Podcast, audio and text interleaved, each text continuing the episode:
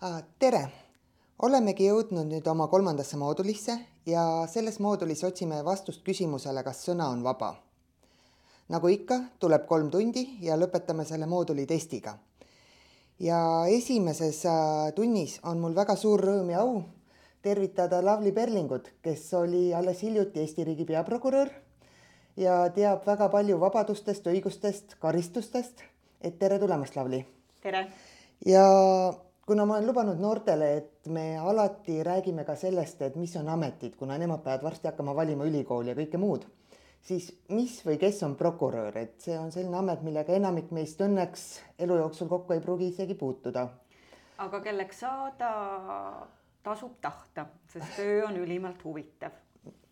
prokurör on seaduse järgi, on ta riiklik süüdistaja. kui veel keerulisemalt öelda, siis meie seadus ütleb, et prokurör on kohtueelse uurimise juht mm. ja esindab kohtus riiklikku süüdistust. mis see tähendab? esiteks on äh, prokurör äh, jurist. teiseks, äh, mina olen ligi kakskümmend viis aastat teinud prokuröri tööd teadmisega, et ma kaitsen inimesi, ma kaitsen meie riiki ja ma teengi seda sellel kujul, et kui keegi kuriteo läbi on väga haiget saanud mm., siis minu ülesanne on seaduse alusel esiteks koos oma meeskonnaga, kas siis politseist, kaitsepolitseist, Maksu- Tolliametist, koguda tõendeid mm, -hmm. mis tõendaks äh, süüd. teiseks äh, läbi selle näidata kannatanutele, et äh, riik on nende poolt, riik proovib neile seda õiglust tagasi anda ja luua. see on minu jaoks prokuröri töö.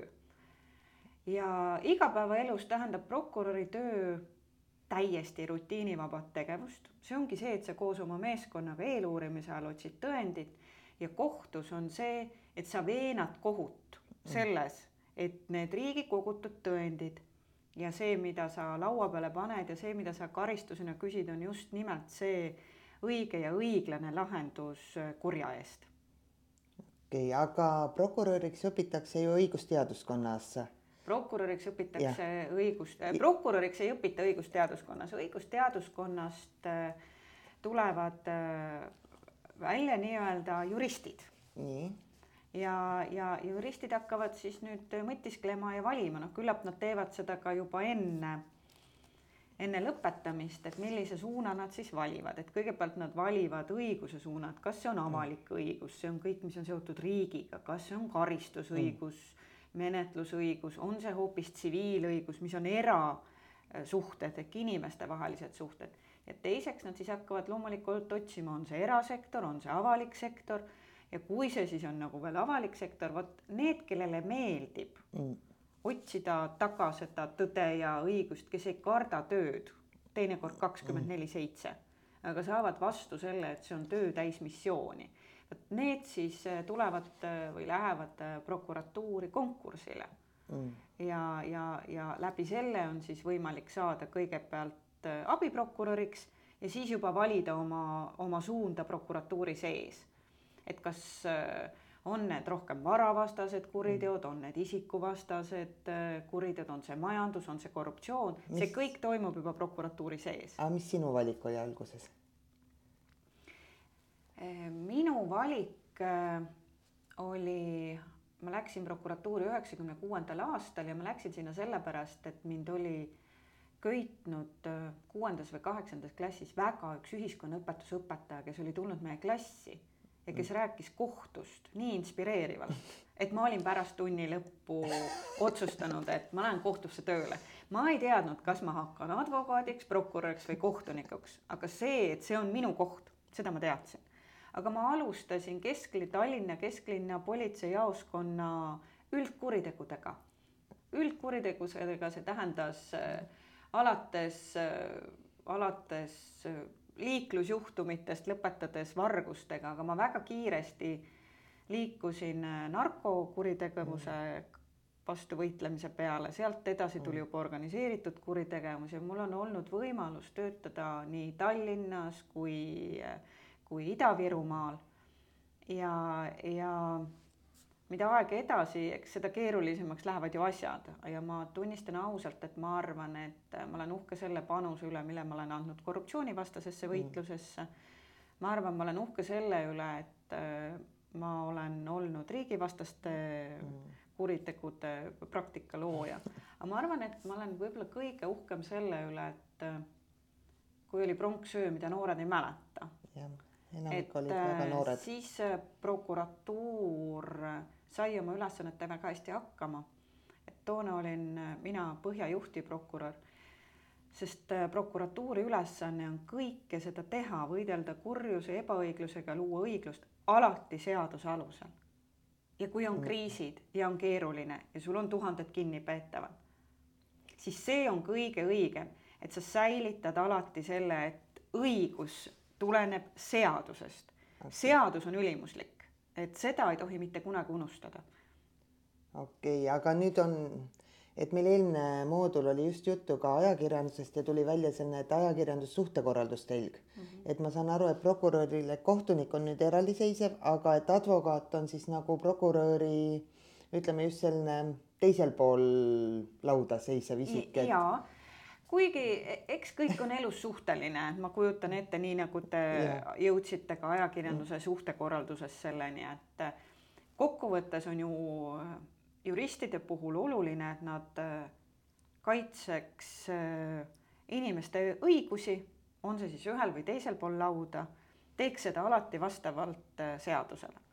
ja jah, et kui me räägime kriminaalmenetlusest siis see on äh, advokaat ühel pool, advokaat kaitseb kahtlustatavat, süüdistatavat, aga advokaat võib olla ka kannatanu kaitsja. tänapäeval võib ta isegi tunnistajaga olla seotud.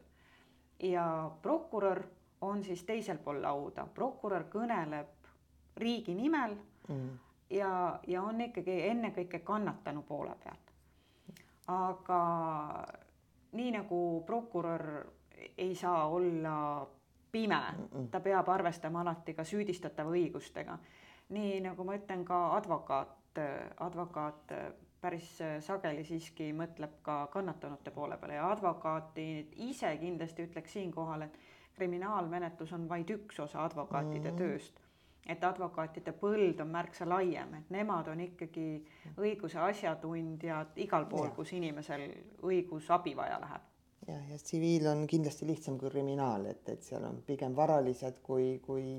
noh, eks ega lihtsus on tänapäeva õigus ei ole kunagi lihtne, sellepärast et seda luksust ei saa ammu enam keegi lubada, et kui sa oled prokurör, siis sulle piisab kriminaalõiguse tundmisest, ei sa pead siiski kursis olema nii tsiviilõigusega, et kätte saada ka kurjategijatelt mm. vara, sa pead olema kursis haldusõigusega ja nii edasi ja nii edasi, et mõnikord äh, pead sa olema, ma mäletan oma praktikast juhtumeid, kus on selgeks tulnud teha küll sõiduauto bensiinipaagi ehitus äh, ja nii mõnigi teine põnev asi. et kui sinna midagi peita annab.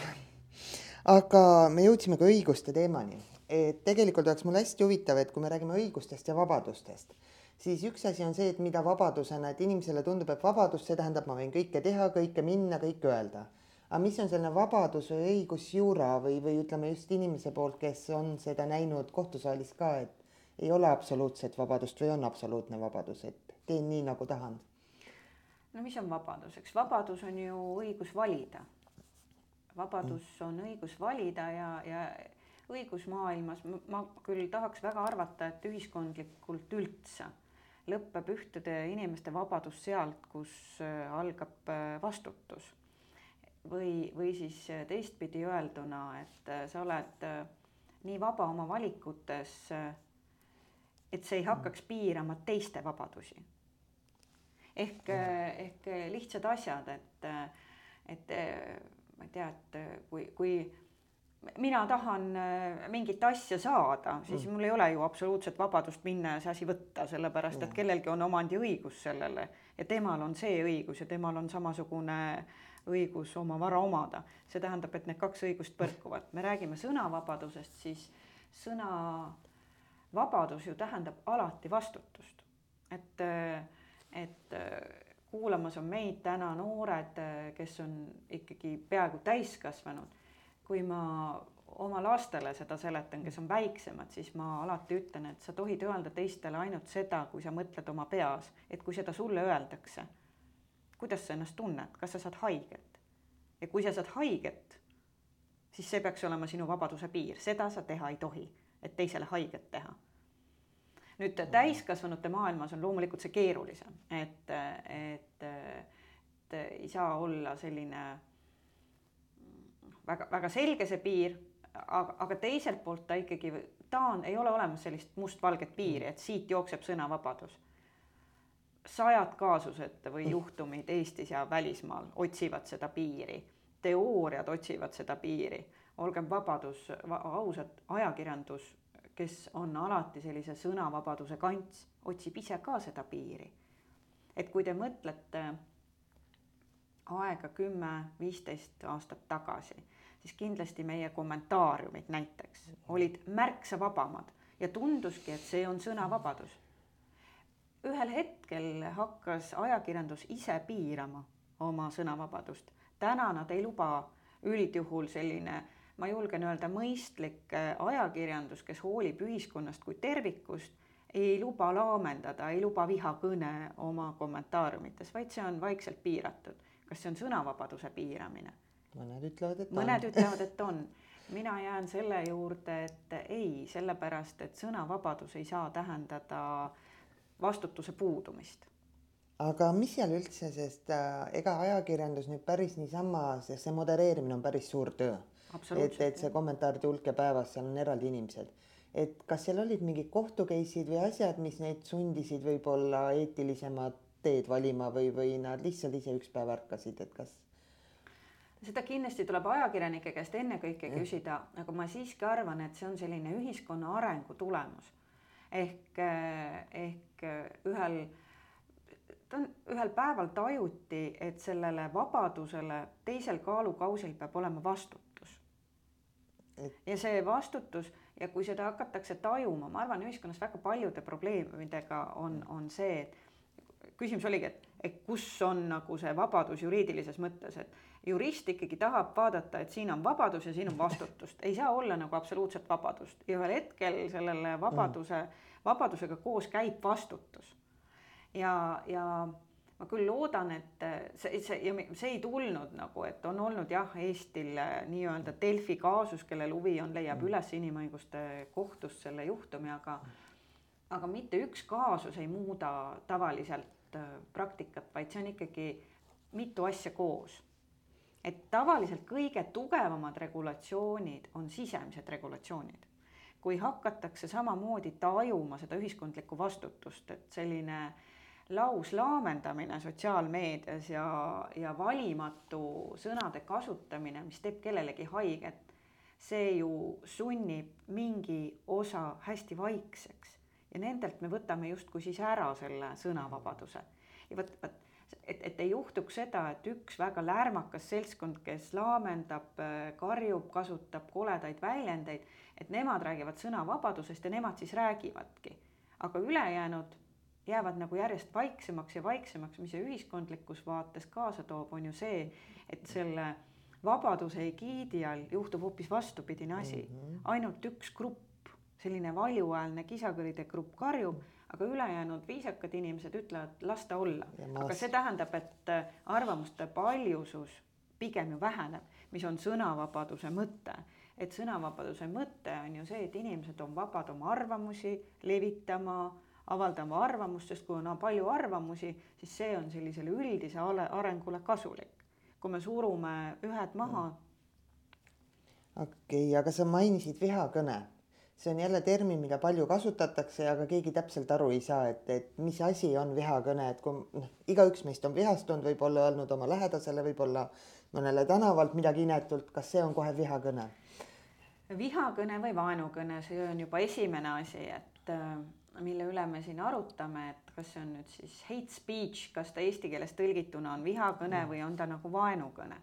aga jaa, ei, vihane kõne ei ole vihakõne, vihakõne on taunitav, see on vale, see on väär ja ma julgen väita, kuigi juristide puhul Eestis järgneks pikk diskussioon, kas on või ei ole tänapäeval mm. vihakõne Eestis keelatud. mina väidan, et on. ja seda seadust tuleks rakendada.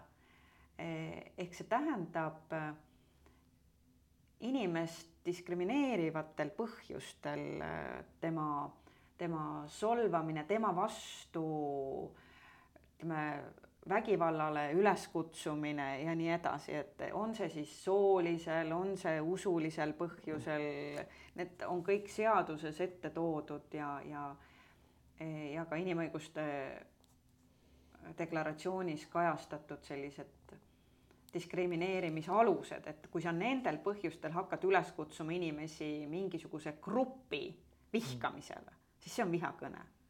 ja see ei ole okei okay aga see grupp, kes ta on, sest oli vist, see oli vist enne kahte tuhande kümmet, kui oli see äh, üks inimgrupp ahju, kes on ajalooliselt, ütleme, kannatanud selle all. et ja see läks kohtusse välja, see oli puhas vihakõne. samal ajal nüüd ütleme, seksuaalvähemused, ma saan aru, on ka kaitstud grupp. aga kas ma lihtsalt, ma ei tea, punapead, punapead oksa, kas see on nüüd lihtsalt vihakõne või see on mul mingi inimgrupi vastu, aga. no ta pigem ei ole, aga, aga, aga ütleme, siin tulevad mingisugused äh, sellised äh, muud, äh, muud sellised kriteeriumid mängu nagu lihtsalt solvamine mm. ja, ja, ja noh, kaugemale ulatudes ka laimamine mm., aga et see nüüd ütleme, punapea näite puhul ei ole, aga noh, solvamine on ikkagi yeah. solvamine, et ta pigem Eesti, Eestis on just nimelt nagu selline inimestevaheline tsiviilõiguslik teema et äh, miks nagu kaitstakse ja need ei pruugi alati muideks vähemused mm. olla, et need võivad olla ka enamused, et küsimus on, küsimus on just nimelt, et mis need põhjused on, et äh, need on jah, need mm. soolised, äh, rassilised, usulised põhjused mm.. et kui sa nendest tulenevalt seda gruppi hakkad, hakkad hakkad ründama, hakkad sõnadega ründama, et kutsud üles mingi grupi kohta, et noh, ma ei tea, alates vägivallast, lõpetades nende vara hävitamisega ja, ja, ja noh, see on see, et need on, need on reeglina ju need situatsioonid, mida inimene ise muuta ei saa, ta on mm. sündinud või, või see mm. on nagu tema olemusega väga tihedalt äh, seotud, et siis sa ei, sellel põhjusel äh, kedagi, kedagi kutsuda üles vihkamisele, see on vihakõne. et lihtsalt see, et see ei pea üldse, et vihakõne tihti ei ole isegi selle viha emotsiooniga seotud, et see on mingi sügavam selline. ei, ma isegi julgen öelda, et, et see vihakõne, noh, mis inimeste sees toimub, eks seda on ka mm. nagu otsitud, et kas need lärbavad vihased sellised kasvõi poliitilised jõud mm, -hmm. et kas nad nüüd on emotsionaalselt ka vihased või on seal nagu hulk teatrietendust, aga, aga iva on selles, et see selle, kui sa kutsud üles ühe grupi vastu, siis sellel on nagu etteaimamatud tagajärjed. ja see, ja see toodab ühiskonnas vägivalda, see paneb terve grupi ühiskonnast ennast tundma halvasti alaväärsena, hirmul ja nii edasi. see ei ole nagu inimühiskonnas. Äh, aga kui nüüd mõni, ütleme siin praegu videovaataja läheb, näeb kuskil, ütleme sellist tõesti rassilist LGBT kogukonna, mis iganes tugevat nagu sõnumit, et, et sellele, mis ta tege-, mida ta teha saab? mina ütlen alati, et äh, õigussüsteeme tuleb teavitada nendest juhtumitest. ja see ei tähenda alati seda, et tulevad vilkuritega autod mm. ja see ei tähenda alati seda, et kohe ka sellele juhtumile järgneb selline suur täiepõhjaline menetlus, mm. et äh, aga oluline, et see info oleks olemas. et äh, kui ühes, ma ei tea, väikses kogukonnas ikkagi mingisugust gruppi hakatakse nagu kiusama, siis kui sa sellest esimesest või teisest või sellest ühest juhtumist, mida sina märkad, teada ei anna, siis see on, kipub olema nagu lumepall. ja keegi ei anna. ja keegi ja... annab veel ja keegi ei anna teada ja need inimesed seal on ja elavad ja peavad selle kõigega toime tulema. et pigem tasub teada anda ja minu meelest eh, ei tohi ka seda karta, et tänapäeva õigussüsteem, ükskõik, kas me räägime politseist või prokuratuurist nad on ka nii diskreetsed, et, et kui ei taha seal sellist suurt tähelepanu sellele, siis see kõik on võimalik. lihtsalt inimeste kaitseks, kes võivad väga haiget olla saanud, saavad ja saavad ka tulevikus haiget, nende kaitseks tasub märku anda. see tegelikult kehtib iga sellist turvalisust puudutava teema osas mm et, et, et kindlasti ei tohi öelda, et ah, niikuinii midagi ei juhtu, niikuinii kõik on karistamatud, et ei ole aga, aga, aga, Aga aga aega andke märku, andke märku ja, ja ega neid juhtumeid Eestis on, et jälle juristid vaidlevad, et kas vihakõne juhtumeid Eestis on liiga vähe või liiga palju, et kas neid statistiliselt peaks rohkem olema või vähem olema. mulle endale jälle tundub, et üks on statistika ja teine on see nagu see meie enda selline taju ja suhtumine. siis ma alati ütlen, et ka sellele peab tähelepanu pöörama ja kogu aeg kogu aeg ja tuleb ka seletada, et miks see on äh, taunitav, miks see on vale, mis see kaasa võib tuua ühiskonnas aga et eh, kas me nüüd statistika pärast peaksime nagu rohkem asju tegema, et sellega ma ei ole kunagi nõus olnud. et kõike ei pea kohtusse viima. ei, iga asja puhul on oluline see, et need, kes väärivad kaitset, need saavad kaitset ja et neil tekib see sisemine tugevus, et eh, see on minu ühiskond ka ja mul on õigus siin elada sellisena mm., nagu ma olen. Aga kui me nüüd noorte teemade, tegelikult ma ütlen, gümnasistid on vist kõige mõistlikum vanusegrupp, kui me võtame sünnist surmani internetikasutuse poolest, vähemalt minu isiklik selline kogemus ütleb. aga samas just põhikool, kõik see, mis on olnud, on seda küberkiusamist, asju, hiljem tuleb teda kahjuks jälle üsna palju ja eks gümnaasiumis on ka lihtsalt vähem kui võib-olla muudes eluetappides. ja küberkiusamises on väga palju sõnadel just rõhku, sest sa ei saa ju noh, virtuaalselt sa ei saa minna kellegi nina veriseks lüüa, sa ei saa teda noh füüsiliselt haavata, aga sa saad teda läbi sõnade, läbi piltide, läbi videode tegelikult väga palju haiget teha. et mis, kui palju sinu meelest, tähendab, ma ei tea, peaprokurör tegeleb kindlasti suuremate asjadega, aga kui paljud noored üldse lähevad abi otsima või kui, või kuidas sa julgustaks seda, et kui nad satuvad, sest nendel ei pruugi see asi nii noh, nii hull olla et.... esiteks jälle, kui te näete, tunnete, kuulete, andke märku, et täiskasvanud võivad vahel olla taipamatud, nagu me teame, aga nad tulevad appi. et see on, ma arvan, minu esimene sõnum.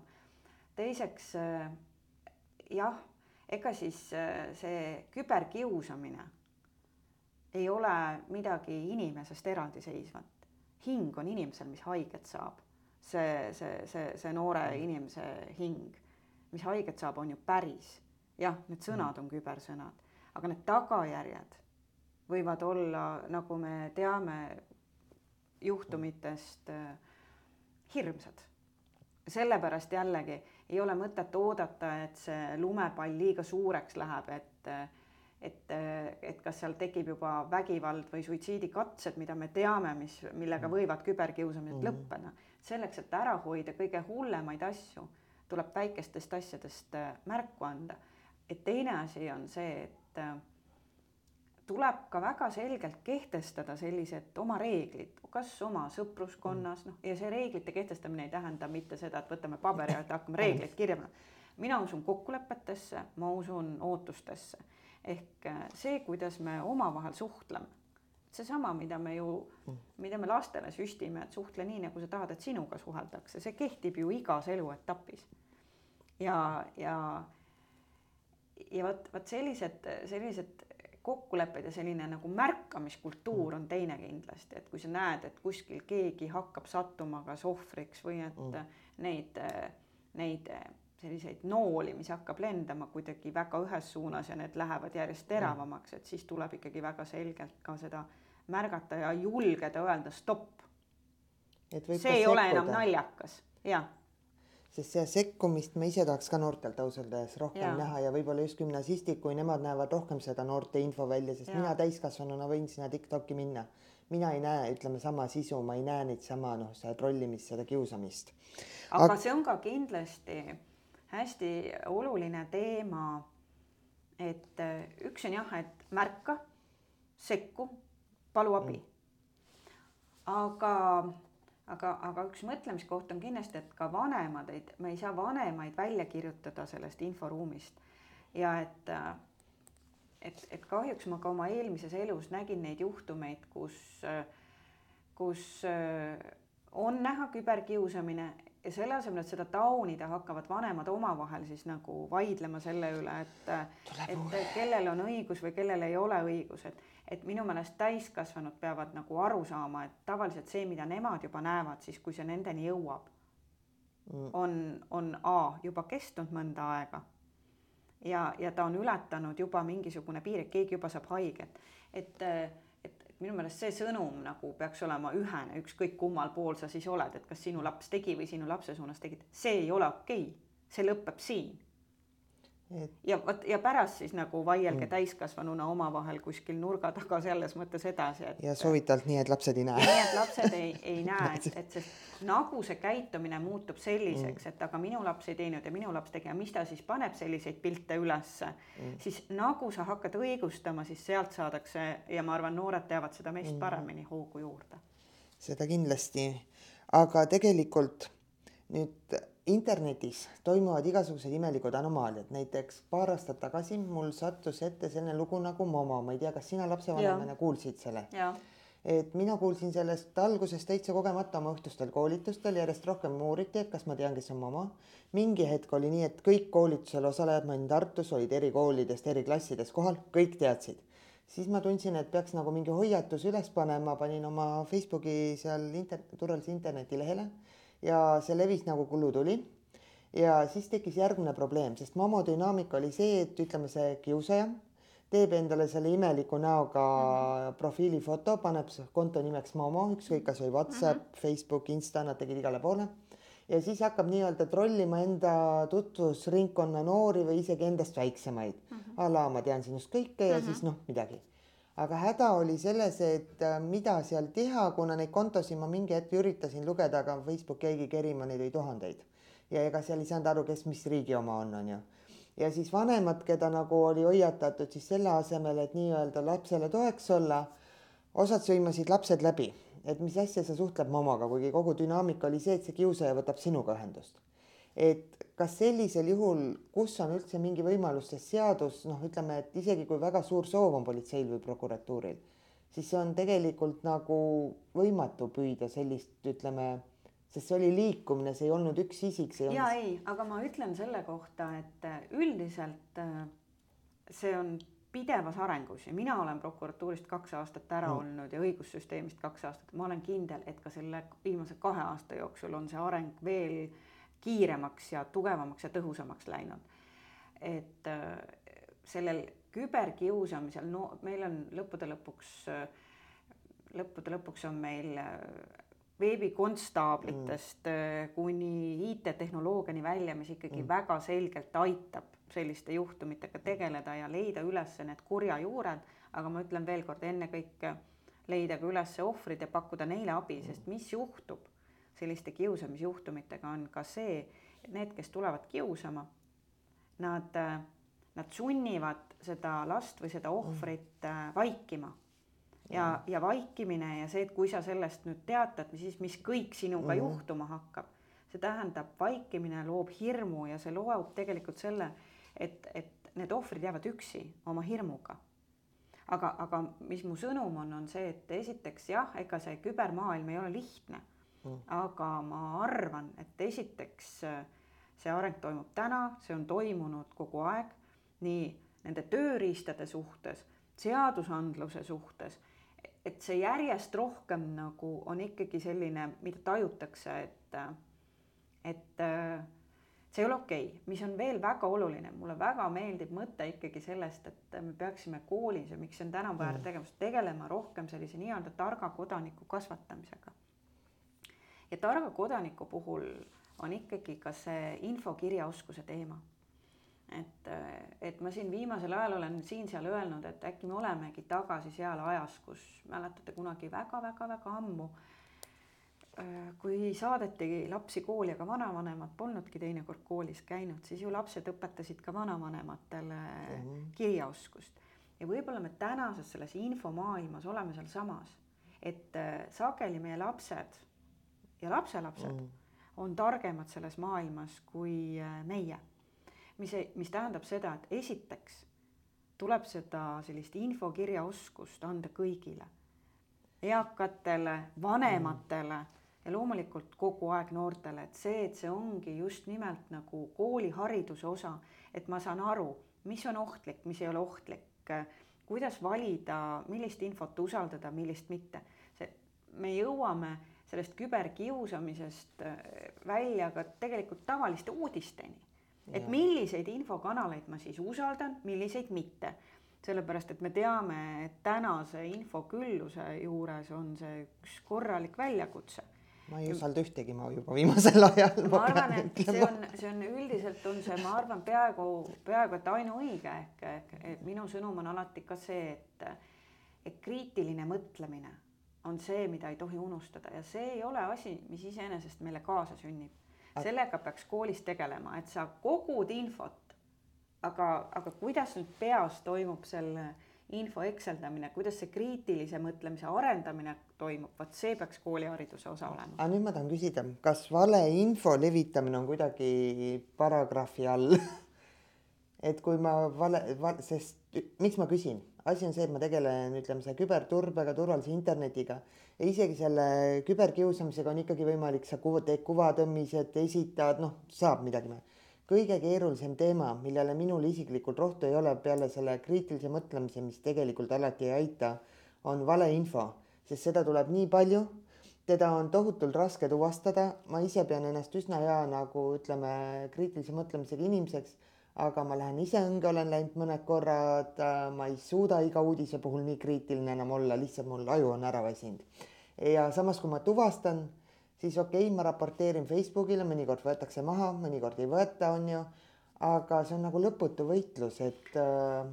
ja ta ongi ja suure tõenäoliselt ta ka jääb lõputuks võitluseks, sest kui me hakkame nagu minema üksikult üldisele, siis noh, sellised, et äh, noh, ma ei tea, ühe inimese kohta valeinfo levitamine võib olla küll paragrahvi all mm., aga ma arvan, et see on ainult nagu piisk meres probleemist ehk, ehk, ehk tõsine probleem ongi just nimelt nagu sellises ühiskonna teadvuses, et, et just nimelt, et sul on kriitiline mõtlemine, kuidas siis tuvastada valeinfot. Sellega ju tegelevad tänasel päeval, me teame, terved autokraatlikud riigid, et mm. valeinfot levitada. et siin ei ole ühte sellist reeglit, et kui sa teed nii, siis sa ei lange valeinfo, seda ei ole olemas. seda ei ole olemas ehk, ehk pigem on ikkagi, ikkagi need küsimused, et kuidas teha nagu võimalikult palju ise, et säilitada see kriitiline mm -hmm. mõtlemine, leida ülesse.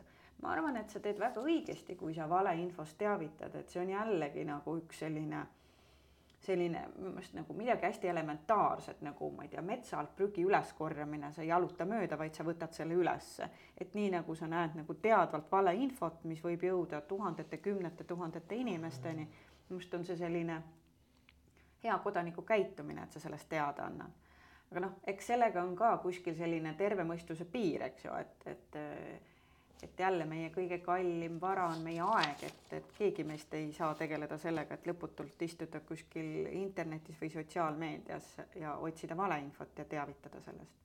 ma arvan, ka siin on, ma, noh, kui me vaatame ise kas või ajakirjandus või veebisaitidel ringi, siis on ju tore see, minule väga meeldivad need, kus ajakirjandus ise asub nagu faktikontrolle tegema ja kui ikkagi siis nagu ilmubki väga selgelt äh, uudis peale see vale mm. -hmm.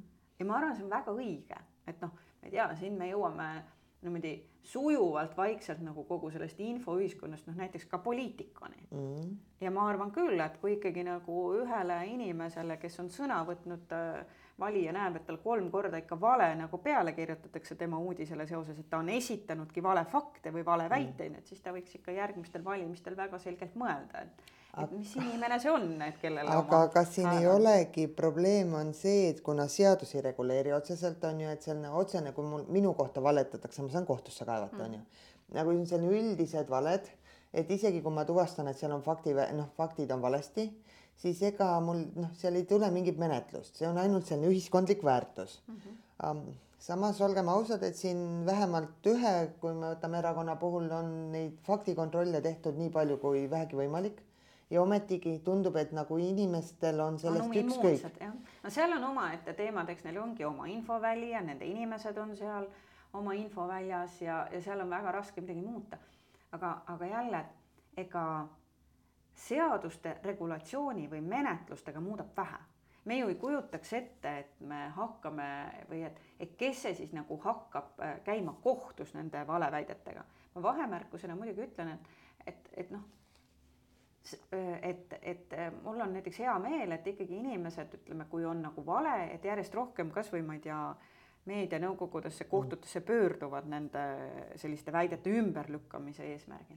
aga jälle, et, et see vale, ega siis vanast ajast on teada meil, meil see, et seni, kuni tõde püksid jalga jõuab, on vale ümber maailma juba tiiru teinud.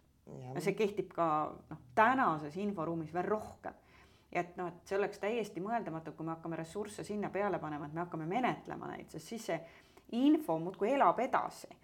aga et kus see nüüd kuldne kesktee on, et kuidas nagu ühelt poolt saada see maha, et see info ei leviks, see peaks olema nagu eesmärk, mitte nagu menetlused. aga, aga ega siis ütleme, teadlik valeinfo levitamine et öö, oleneb, mis eesmärgil seda tehakse, et, et ma arvan ikkagi, et seal üks on nagu kohtujuhtumid, teine on nagu praktika, aga kolmas on kasvõi sama poliitiline tasand. ma nagu siiralt usun, et ühel hetkel ikkagi nagu inimesed hakkavad tajuma, et need, kes nagu, kelle kohta ikka kogu aeg ilmub, valetab, valetab, valetab, valetab, nad hakkavad ka aru saama, et kui nad valetavad ajalehe veergudel, siis nad ja, valetavad aga, ka elus. ja Lavly, aga kas praegu meil ei ole see, et meil on tegelikult kaks meediat? Meil on nii-öelda, ütleme, mulle ei meeldi see totakas silt tavameedia ja mm. alternatiivmeedia, aga ma arvan, see ütleb kõige paremini, on ju kuulajatele, mida ma mõtlen. ja on mingi seltskond, kes tarbib nii-öelda ühte meediat, teine seltskond teine.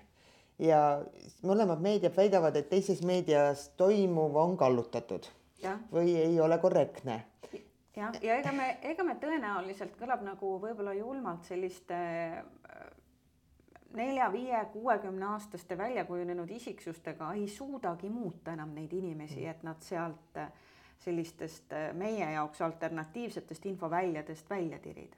see ongi keeruline. noh, mida saab kindlasti teha, et kui me siin mõtleme nagu ma ei tea, välispoliitilisel tasandil, siis üritatakse teiste riikide igasuguseid, teiste riikide mõjuga meediakanaleid, ma ei tea, sulgeda ja hoida vaos mm. ja et noh, et kindlasti on võimalusi, mida veel teha aga mida me saame teha, on ikkagi just nimelt neid täna meid vaatavaid noori mõjutada. nagu jõudma oma teadlikus elus nende infokanalitele, mille puhul on punkt üks aluseks äh, teadus, me oleme mm. väga selgelt teadususku, punkt kaks, asjatundlik ja professionaalne meedia, millel on omad kriteeriumid mm. ja, ja kui me nagu tegeleme sellega, siis ma usun, et me ikkagi anname ühiskonnale rohkem, sest kui me hakkame tänapäeva meedia puhul on ka keeruline see, et ei ole see, et paneme kinni. Mm.. vanasti oli, ma ei tea, oleks olnud, ma ei tea, kolmkümmend aastat tagasi ühes meediakanalis hakkab ilmuma väga palju valet, paneme meediakanali kinni, täna see ei ole ju võimalik. sellepärast, et meedia, meediakanaleid, kanaleid, kust infot saada, on tuhandeid, juba neid viise on nii palju, et ei ole võimalik, sulgemine ei ole lahendus see, mida me ikkagi teha saame, on, on see, et oma, oma järeltulevat põlve nagu õpetada ja kasvatada võimalikult sellisel kujul, et nendel oleks kriitiline mõtlemine ka juba nende infokanalite tarbimisel, et nad nagu saaks aru, et miks, miks see kanal ja mitte see kanal. Miks ma usun teadust, aga mitte nagu libateadust. Ja mis asi on nagu teadus tänases maailmas? aga kas siin nüüd sa kui rääkida noortest, siis teen noored ei tarbi üldse eriti meediat, kui mm -hmm. ma ei mhm. käsi neil mõni artikkel läbi lugeda, et muidu ei saa testist punkte kätte mm. -hmm. noh, on erandeid, aga, aga enamik noori pigem on TikTok, on Instagram on nii-öelda sotsiaalmeedia kaudu, mis tuleb. ja võib-olla siin lõpetuseks ka, et, et näiteks kui siin on selliseid suunamudija on sõna, mis ühelegi noorele ei meeldi, influencer, noh, ütleme inglise keeles mm, -hmm. et et ka nendel on see, et on neid, kes on väga-väga toredad, väga adekvaatsed, teevad, ma ei tea, oma mängude teemad, mingid noh, toidu, aga on ka neid, ütleme nii-öelda suuri eeskujusi, kes äh, kahjuks annavad oma panuse kogu selle valeinfo, ütleme selles sõnavabaduse pahupoole levikusse. et äh, võib-olla nüüd ongi küsimus, et kui vaatavad need inimesed, et miks nad peaksid siiski ka aitama noortel nii-öelda orienteeruda, et, et mis see missioon olla võiks või, või selline väike üleskutse, et? see missioon on äh, sulle endale parem paik elamiseks. nii lihtne ongi. sest äh, ja ma usun, et ka siin on hästi palju minu meelest positiivseid näiteid, kus just, kus, kus just nimelt nagu sellised noored influencer'id ise tajuvad oma vastutust mm -hmm. selle ühiskonna eest. ja mina nagu olen nagu tulihingeline selline, selline koostöösse uskuja, ma, ma usun, et kõik räägivad ühiskonnas hildade vahelisest äh, sildade vahelisusest, aga, aga, aga ma tõesti usun ja, ja, ja seda tulebki teha. noored ja vanad põlvkondadega mm., influencer'id ja klassikaline meedia kokku panna, selles mõttes, et noored ja vanad, et, et, et, et, et see ongi ja ma arvan, et, et, et ja lõpetuseks ma võin öelda, et, et ma arvan, et see on selline üldine ühiskondlik teema, et kui mina sõidan oma lastega maale, siis mm siis see, mis toimub, on ju see, et mina tahaks kuulata Vikerraadiot, nemad tahaks kuulata hoopis Star, ei Star FM-i nad ei taha, nemad ah. tahavad kuulata Powerit või My Hitsi. aa, My Hits on ka jah. et ja mis me nüüd siis nagu teeme, et, et tore näide on see, et noh, et kui ma nagu kehtetaks iseennast, ütleks, ma olen täiskasvanud, ma olen vanem, minu reeglid, panen nad kuulama ilmtingimata Vikerraadiot mm., kas see on nagu lahendus? ma võin öelda, et meie lahendus on pool teed ja pool teed või vahel ma olengi lasknud neil rohkem kuulata, sest see, mis juhtub, kui ma kuulan nende kanalit, ma võin öelda, et ka mina olen mõned väga head laulud sealt leidnud.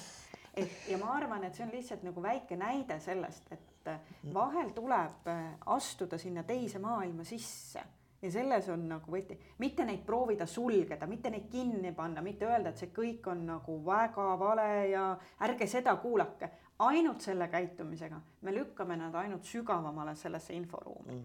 minu meelest need, need, need võtmed on pigem ikkagi see, et hoida uks lahti, et me näeme sotsiaalmeedias meeletult gruppe, kus ma kujutan mm. ette, sina ja mina loeme hoiame kahe käega peast mm. kinni ja mõtleme, kas see kõik on päriselt. ja ometi on seal sajad ja tuhanded inimesed, kes seda usuvad. Ja, ja nüüd ei aita ju see, et me nagu paneme, mida rohkem me lihtsalt ütleme, et paneme kinni, nad teevad uue grupi. ütleme, et see kõik on vale, et see kõik on väga, no siis nad järjest rohkem seal kütavad üksteist ja see elab edasi mm. -hmm. et, et jah ega seal ei ole ühte selget retsepti, aga ma usun, et kogu aeg pro-, tuleb proovida hoida see uks lahti no mitte lasta noortel sinna juurde minna, vaid ja selleks tuleb lihtsalt mitte panna oma energia sellele, et tegeleda sellega, mis kõik on vale, vaid proovida tegelikult ehitada neid süsteeme, mida, mis on õiged ja pakkuda neid lahendusi noortele, et ei kaoks see kontakt ära. ja, ja mis siis, et võib-olla ma väsingi ära ma ei hitsis pärast äh, tunniajast kuulamist, siis ma, ma teen seda ikkagi sellepärast, et, et ka see on minu ühiskond ja need on nagu minu lapsed ja ma pean käima nende infoväljas. Jah, see oli väga hea lõpetus, aitäh sulle. ja ma loodan, et saite siit mõtteid, et kõige olulisem mõte on see, et kui järgmine kord lähete nüüd sotsiaalmeediasse siit kiiresti peale tunnivideo vaatamist, et vaadake, mis seal on hästi ja mõelge, kuidas reageerida, kui midagi on halvasti et ärge kartke sekkuda, kui te näete näiteks, et väiksematele liiga tehakse.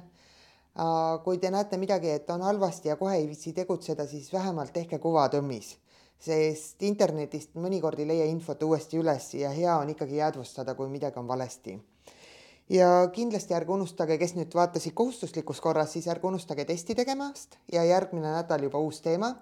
ja teistele lihtsalt tänan tähelepanu eest. nägemist. aitäh.